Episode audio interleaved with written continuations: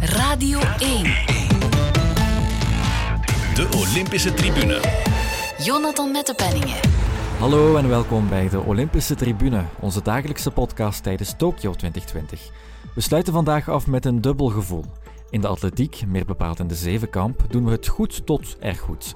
We sluiten de eerste dag af met twee top 3 plaatsen. Daar heb ik het straks over met Bert Sterks vanuit Tokio.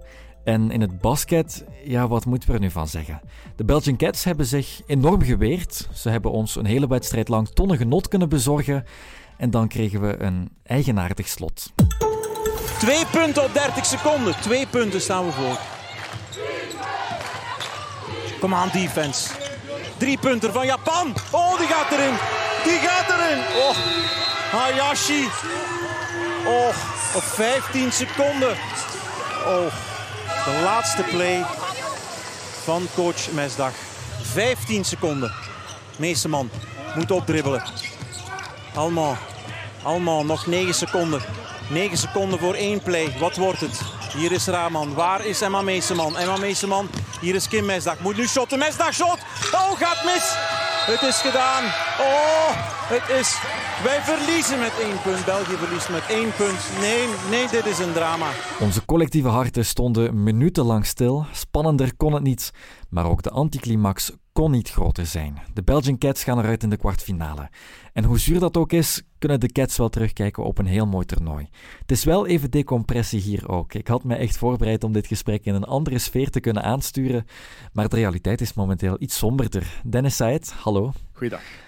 Ja, je kan haast geen akeliger horroreinde aan een prachtig heldenverhaal binden, maar de herreizenis van Kim Mestag op de Spelen, een dijk van een wedstrijd, wordt afgesloten met een gemist jumpshot op de buzzer. Haar handelsmerk, dat ze zo weinig kon benutten op dit toernooi, maar vandaag terugvond, staat haar niet bij wanneer het echt nodig is. Ja, maar het is meer dan dat. Je, kan niet, je moet niet alleen wijzen naar het shot van Kim Mestag, het is zoveel meer. Ehm, maar ja, voor mij is het ook nog even moeilijk om alles te verwerken. Ik ga er niet over liegen, want het is, denk ik, een half uurtje geleden afgelopen, die match. Uh-huh. En ik ben er nog altijd niet helemaal goed van. Ik ga er niet over liegen. Dat is echt, ah, je leeft daar zo hard in mee, ook in, in die match, in, die, in dat toernooi van de Cats. Je gunt die ploeg dat zo hard. En dan heb je vandaag de beste match van het hele toernooi. En dan verliezen ze die met één punt. Mhm. En vooral, dan verliezen ze die door hun eigen fouten. En dat is heel erg om te zeggen, want je wilt, je wilt niet kritisch zijn voor die ploeg. Maar dit is echt een gigantisch gemiste kans. En dat doet ergens nog meer pijn, omdat je weet, ze hadden die match altijd moeten winnen. Ze hadden die altijd moeten winnen. Ja, ze verliezen op hun eigen fout. Definieer dat eens. Ja, je kan, je kan veel fases terughalen natuurlijk. Hè. Maar ergens begint het al met ja, de start van de match. Je speelt tegen een ploeg waarvan je weet het is een snelle ploeg met Ja. heel veel driepuntkracht. Ehm, en je begint met zowel Linskens als met Meeseman. Vind Mhm. ik heel vreemd. Ik zou altijd met de Raman gestart zijn, omdat die iets bewegelijker is. In defense gaat het er al voor zorgen dat je die perimeter meer kan verdedigen. En Linskens, die heeft in de tweede helft ook niet gespeeld, omdat zij blijkbaar, het leek toch alsof ze er niet heel veel zin in had in nee, de nee, eerste helft. zag het inderdaad. Ze Ja. werd er wel heel snel. Ik denk dat ze dat eerste kwart, ze Ja. was gestart. Ik heb er niet zien terugkomen Nee. daarna. eh, maar je zag het heel snel. Ze was immobiel en ze stond tegen iemand die veel kleiner van gestalte was, iemand die veel vinniger was. En ze roteerde ook niet door in defense. Nee, en dat nee, is ook al belangrijk. En dat heeft Mestak dan inderdaad afgestraft. Want hij heeft dat daarna wel goed aangepast. Dus heel goed dat hij dat inderdaad wel veranderd heeft. Mhm. Maar dat was een eerste bedenking. Ehm, en ja, ze lieten te veel open shots toe. Je weet dat die goed shotten. En je weet bijvoorbeeld bepaalde speelsters, daar moet je bij blijven. En er werd misschien te veel aan het defensieve gameplan vastgehouden. Terwijl ze, ze moesten weten, bij haar mag ik niet afzakken. Daar moet ik bij blijven Ja. staan. Want als ik die een centimeter geef, dan knalt ze binnen. En dat hebben we ook gezien. Maar dan vooral de laatste minuten van de match. Het begint met die onsportieve fout van Julie van Loo. Mhm. Ze snapte niet dat het een onsportieve was als we puur ja, ja. afgaan op haar lichaamstaal. Maar dat was gewoon een domme fout. Iedereen weet dat ook, die gebasket heeft of die basket kijkt. Van dat, ze grijpt haar, speler, haar tegenspeelster bijna letterlijk bij de nek. Ja, dat is een onsportieve fout. Je moet onder de FIBA-regels naar de bal gaan. Dat is niet naar de bal gaan. En dan heb je die laatste defensieve sequentie, als we het echt over de laatste 20, 30 seconden hebben. Kim Mestag springt voorbij haar speelster, terwijl als ze gewoon haar voeten op de grond houdt en een goede close-out doet en daarbij blijft, maakt het die veel moeilijker. Maar ze springt er voorbij, waardoor Japan met 5 tegen 4 staat. Dus in hun voordeel. En ze scoren daaruit.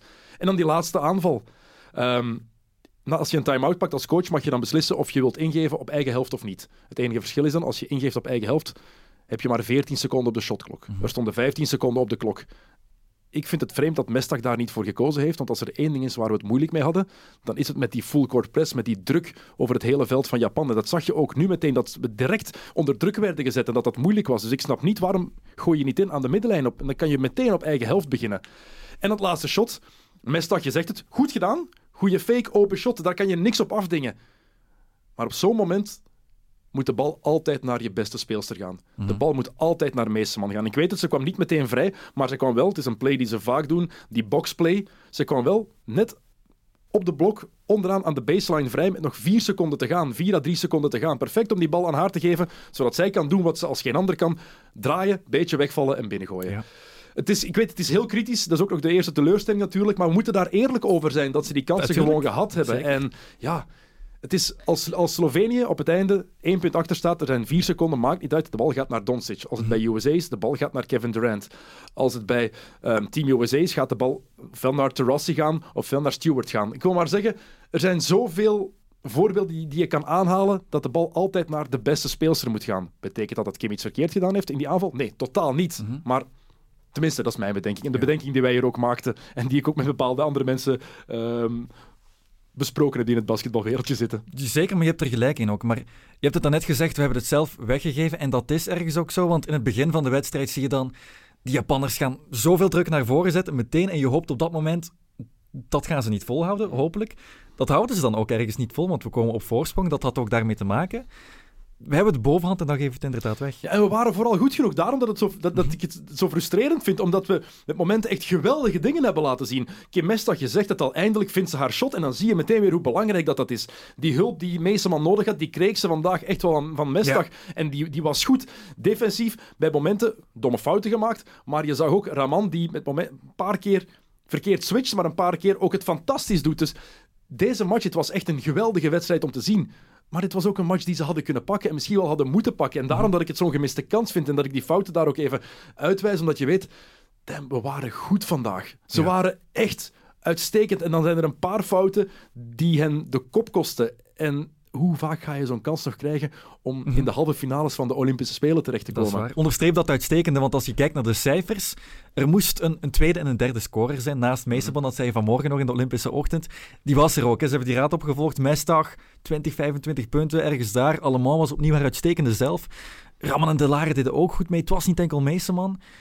Kunnen ze zich, of moeten ze zich aanvallend ook veel kwalijk nemen? Ik vind dat ze een goede match hebben gespeeld offensief. Echt waar. Je- maakt altijd fouten. De perfecte match bestaat gewoon niet. Maar ik vind dat ze heel goed gereageerd hebben op die defense van Japan, waar ze het in het begin even moeilijk mee hadden. Die druk was daar, maar ik vind dat ze effectief, hebben heel mooie dingen laten zien bij momenten. Ehm, was het perfect? Nee, het was niet perfect. Maar het was wel meer dan goed genoeg om dit Japan te kloppen. En daarom is die frustratie daar denk ik nog meer bij de supporters van deze, Bel deze Belgian Cats. Betekent niet dat we niet trots mogen zijn op wat ze bereikt hebben. Hè? Alles behalve. Echt, het is een prachtig parcours wat ze afgelegd hebben. Zeker. Het feit dat ze al in de Olympische Spelen stonden en dat ze de groepsfase zo hebben overleefd, is al bewonderenswaardig.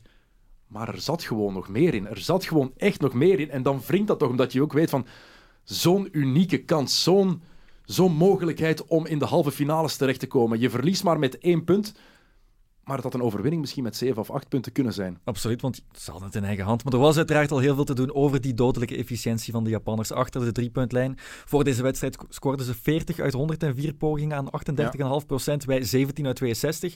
Ik heb de cijfers van deze wedstrijd niet staan, maar alles ging erin bij hen. Ja, absoluut. Maar dat weet je ook tegen Japan. Dat is, daar moet je je op voorbereiden. Dat wist Mestag ook. Daar heeft hij zich ook op voorbereid. Zei hij nog in een interview vanmorgen van ja, we weten dat zij zo spelen. Dus ja, dat is, dat is geen verrassing natuurlijk. Hè, dat Japan effectief dat dat hun spel is. Dat doen ze al het hele toernooi. En ze zijn ook al het hele toernooi echt goed.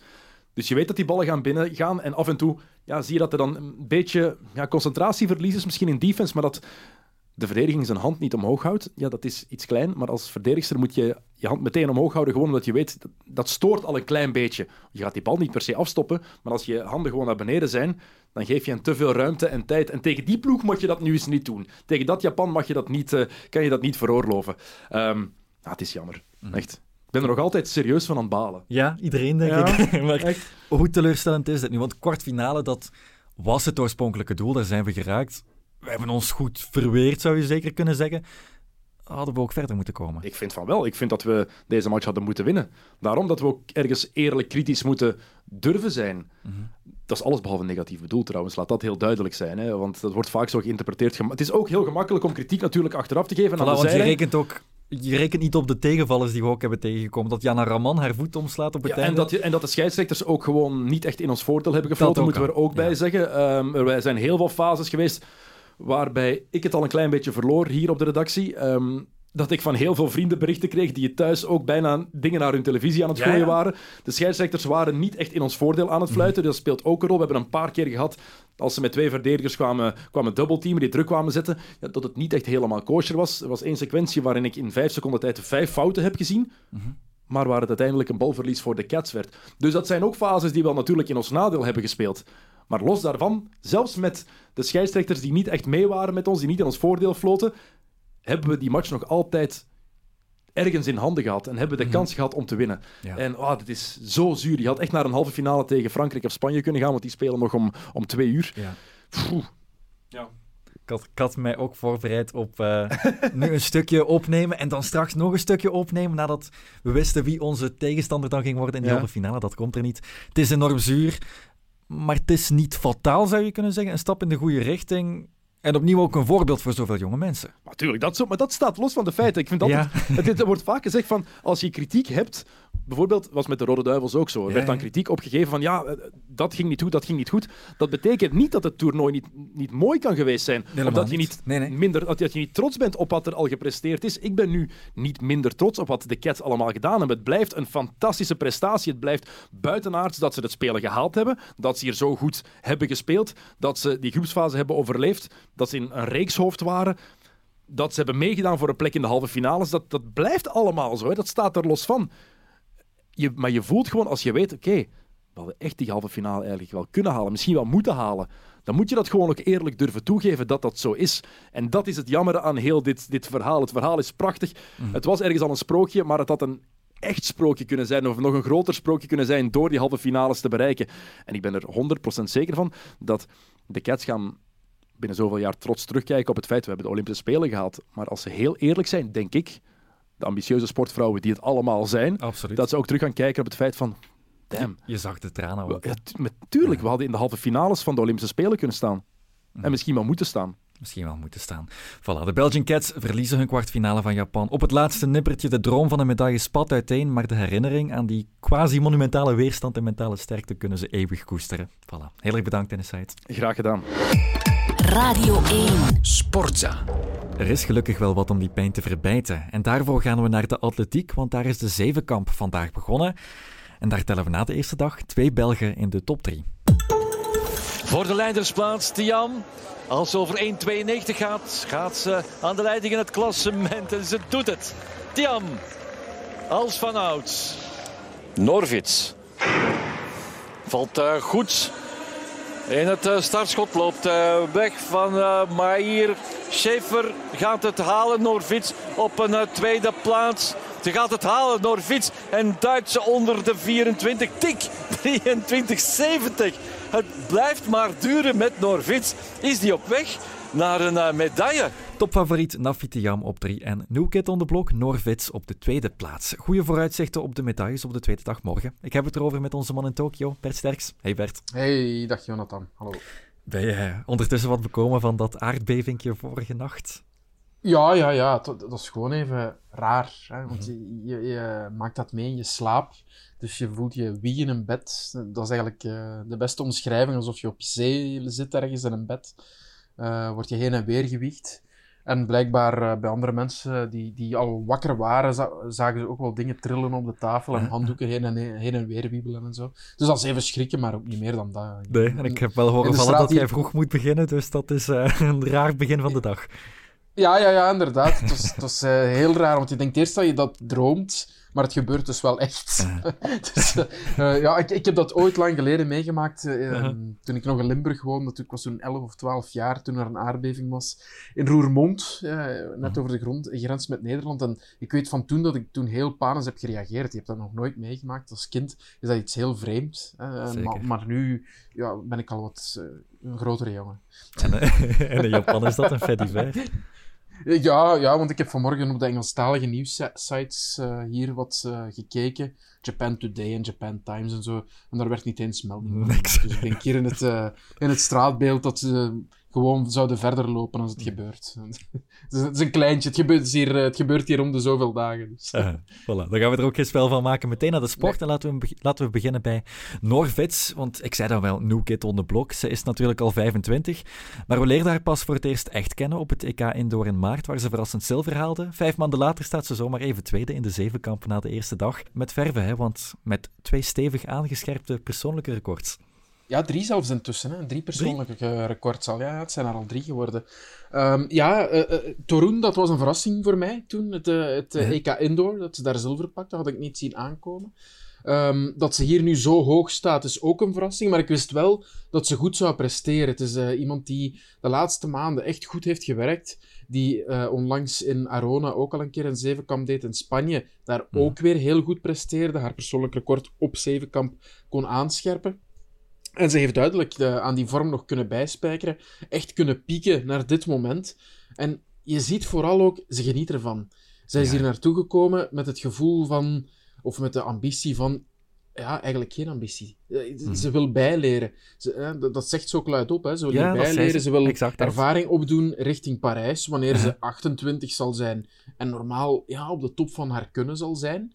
Um, dus ja, ik vind het wel straf wat ze presteert, eerlijk gezegd. Maar ik wist wel dat ze goed zou zijn. Niet dat ze zo goed zou zijn, maar wel dat ze, dat ze een, een mooi resultaat zou neerzetten. Mm -hmm. Maar het gaat allemaal zo simpel. Ze, ze liep er zo voorbij, ze keek niet opzij. Ja. Ze finished zonder druk, ja, zonder enige druk. Ja. En, uh -huh. en wat me wel verbaast is, ik, ik weet, drie jaar geleden um, was er bij op het EK in Berlijn en interviewde ik haar vooraf. En ik kwam een heel verlegen meisje, mogen we niet meer gebruiken, jonge vrouw tegen, hè, die, die wat onwennig was en die, ja, als je haar daar zag staan, het is, het is een, een, een jonge dame. Hè. Mhm. Je, je ziet er niet meteen de zevenkampster in. Toen zeker niet. Maar degene die haar ontdekt heeft en in haar geloofd heeft als zevenkampster, ja, die heeft een neus voor talent, hè? want het komt er nu wel allemaal uit natuurlijk. Dus uh, dat is uh, prima werk van, uh, van de talentenspeurder. Dat denk ik. Het is meer dan gewoon proeven van de spreekwoordelijke snoepwinkel dat ze daar ja. op dit moment Ja. doet. Eén trapje lager dan staat Navitiam. Zij wil haar Olympische titel verlengen. Deed het goed in het hoogspringen en kogelstoten, maar ik heb het gevoel dat ze daar wat meer marge had moeten uitbouwen. Niet, ze blijft ver van haar persoonlijke records. Ja, op alle nummers. Hè. En, het, het ergste vind ik eigenlijk dat ze um, op, op de nummers waar ze niet goed op is, de loopnummers, de 100 horde, de 200 meter, waar ze aan gewerkt heeft, dat ze daar eigenlijk ook niet goed gepresteerd heeft. Ze heeft op geen enkel van haar onderdelen een stap vooruit gezet op dit moment. Um, in het hoogspringen is dat logisch, zo'n 2 meter en 2 is fenomenaal. Het is uh, heel normaal dat ze daar niet elke keer aan kan. Ze had inderdaad met uh, iets betere vorm, met 1,95 meter, nu meer marge gehad. Dat is zeker zo. Het kogelstoten heeft ze underperformed, eigenlijk. Hè? Want ze, Mhm. ze heeft maar een halve meter verder gegooid dan Noorvits. En als je kijkt naar wat zij kan, wat ze op Zeker. papier kan en, en wat ze als atletisch lichaam heeft en kracht heeft, is dat gewoon niet goed genoeg. Dus ofwel is er iets aan de hand fysiek, ja, waardoor ze nu niet top presteert, ofwel is er niet op de juiste manier gewerkt naar deze spelen toe. Want ze is duidelijk niet in haar piek. Ik hoop dat ik me morgen heel andere dingen kan vertellen en, en dat ze morgen fantastisch presteert. Heel graag. Maar op dit moment is dat heel, eh, helaas helemaal niet zo. Nee, ze zei zelf ook niet mijn beste eerste dag. Morgen Nee, nee, zou nee. ze het verschil kunnen moeten maken in het verspringen. Dat is misschien Ja. wel haar, haar beste discipline. Ja, daar eh, is ze heel, heel goed in. Dus het is te hopen dat ze daar inderdaad weer het verschil kan maken. Mhm. En dan het grote vraagteken, de speer. Hè. Hè, eh, het is in de voorbeschouwingen al gezegd. ehm, Ja. Ze heeft sinds Doha 2019 competitief geen enkele speer meer gegooid. Dus niemand weet hoe goed ze daarin is. Eh, Zij zelf zal het hopelijk wel weten. Ik weet niet op welke manier ze getraind hebben.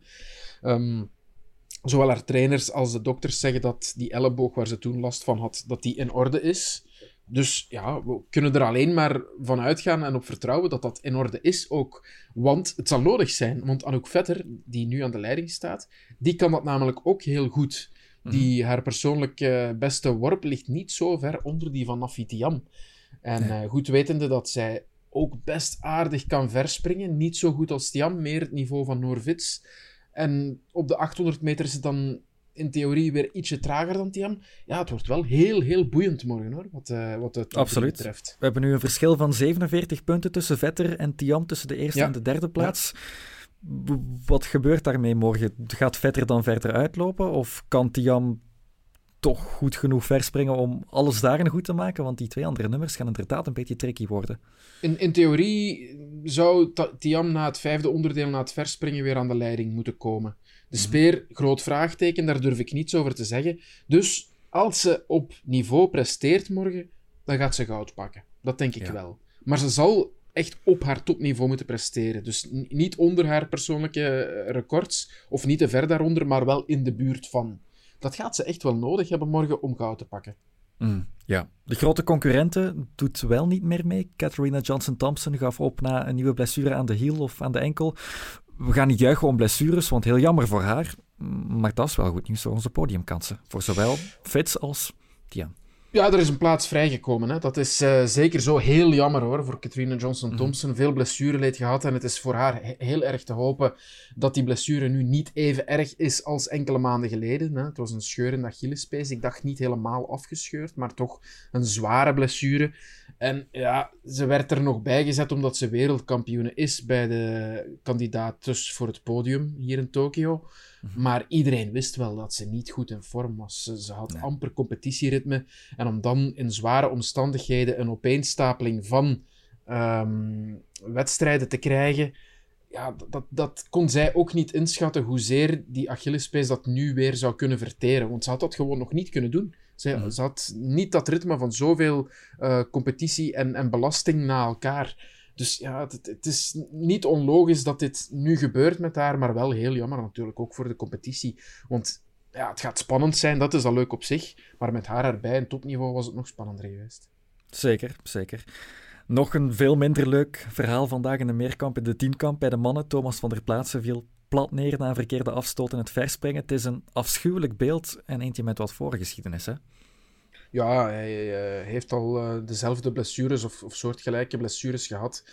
Ehm, het is doodjammer voor hem dat het nu gebeurt, want eh was, laat ik me toch vertellen, topfit. Misschien beter dan ooit. Ja, Dat misschien had heb hij, dat interview ehm, ook gehoord met zijn zus op de Ja, ja, ja, Ja. Maar ik, ik geloof het ook wel, want hij was een tijdje geleden in Guts is ook al heel erg goed. Daar eh, had hij een topscore neergezet. En ik had ook wel het gevoel dat hij er zelf in geloofde dat hij dat nu nog kon verbeteren.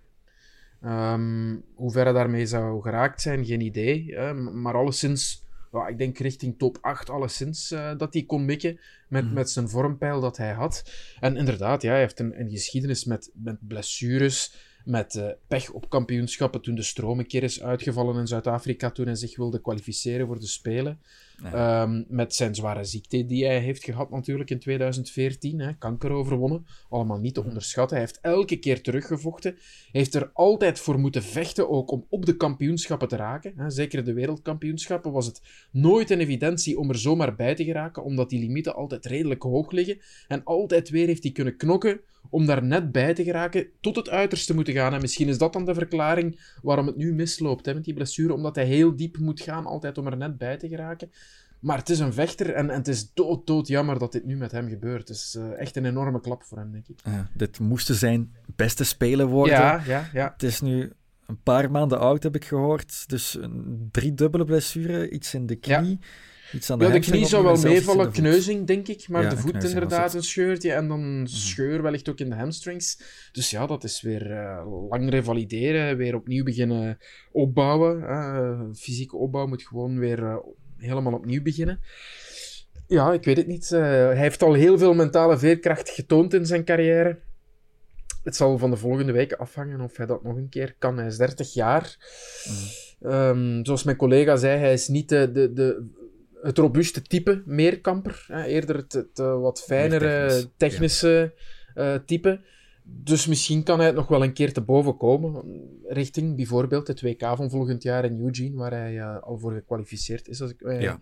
niet vergis. Spelen 2024, daar gaan we het nog niet over hebben, want dan is hij 33. Laat ons eerst maar eens kijken naar volgend jaar of hij daar nog bij raakt of niet. Ik hoop het voor hem alleszins, want eh, hij verdient het wel. Absoluut. Een enorme dreun voor Van der Plaatsen. Hopen dat hij er terug bovenop komt. Dan wil ik het nog over iets anders hebben. Zonder Belgen, want we kregen vandaag opnieuw een wereldrecord in de 400 meter horde. Gisteren bij de mannen scherpte Karsten Warholm zijn eigen wereldrecord fel aan. Vandaag doet Sydney McLaughlin hetzelfde bij de vrouwen. En daar loopt de Nederlandse Femke Bol ook nog eens een sterk Europees record. Ja. Wat is dat met die horde races? Ja, die horde races nemen het over van de sprints. Hè. De mensen keken daar meer naar uit dan naar de 100 en 200 meter bij de mannen. En ik snap het. Als je de bezetting bekeek gisteren bij de 100 meter, ja, ik snap het gewoon. Dat, dat ze meer uitkijken naar die 400 horde. Daar eh, staan namen tussen, zowel bij de mannen als de vrouwen, die elkaar dan ook nog eens naar een geweldig niveau duwen. Die race gisteren van Warholm, ja, dat was gewoon het ene persoonlijke of, of, eh, of Europese of wereldrecord eh, in één race. En dat was vandaag bij de 400 horde vrouwen nog maar een keer hetzelfde. Hè. Ook een machtswissel, een generatiewissel eigenlijk. Hè. Delilah Mohamed, die ja, eigenlijk ook een geweldige tijd loopt, dat kan je niet anders zeggen. Maar die het wel aflegt tegen de 21-jarige McLaughlin. Een, een, een jonge dame met uitstraling, vind ik ook. Uh-huh. Uh, en daar dan Femke Bol nog eens bij, die Ook enorm, 21, ja, ook 21, die misschien iets later bloeit dan McLaughlin, er nog een beetje nakomt. Maar ja, ook nog wel geweldige progressiemarge heeft, denk ik. Die nu al het voorbije jaar grote stappen heeft vooruitgezet qua eh chrono's. Maar die loopt zo soepel, dat lijkt allemaal geen moeite te kosten. En ja, Bij haar gaat het echt automatisch. het is echt nog niet afgelopen. Het is echt, echt nog niet afgelopen. En een beetje Belgisch ook, hè, want ze, ze woont en traint Ja, vaak in België. Dus- Het was nog mooier geweest met nog een Belgische link als Ja. Paulien Kokuit eh, ook kon meedoen. Dan Ja, dat was helemaal haar leuk geweest. Eigen Belgisch record misschien ook nog een derde keer kunnen bijstellen. Dat zou misschien wel gelukt zijn, eh, inderdaad, in die race, eh, dat ze dat nog een keer scherper had kunnen stellen. Ook in droge omstandigheden vandaag, in vergelijking met de race die ze toen liep in de stream in de regen. Mhm. Maar vanaf morgen kan ze haar kunnen opnieuw tonen bij de Belgische Ja, ja. Dus Met de Belgische daar gaan ze haar goede vorm heel goed kunnen gebruiken, want Sintra wordt boven. Absoluut. Oké. Wat we vooral onthouden van deze drukke atletiekdag is onze voorlopige dubbele bezetting op het podium na de eerste dag. Morgen gaan Nafi Tiam en Norvits er opnieuw tegenaan. En in de namiddag zullen we weten of onze medaillespiegel toeneemt. Heel erg bedankt. Best sterkst. Graag gedaan.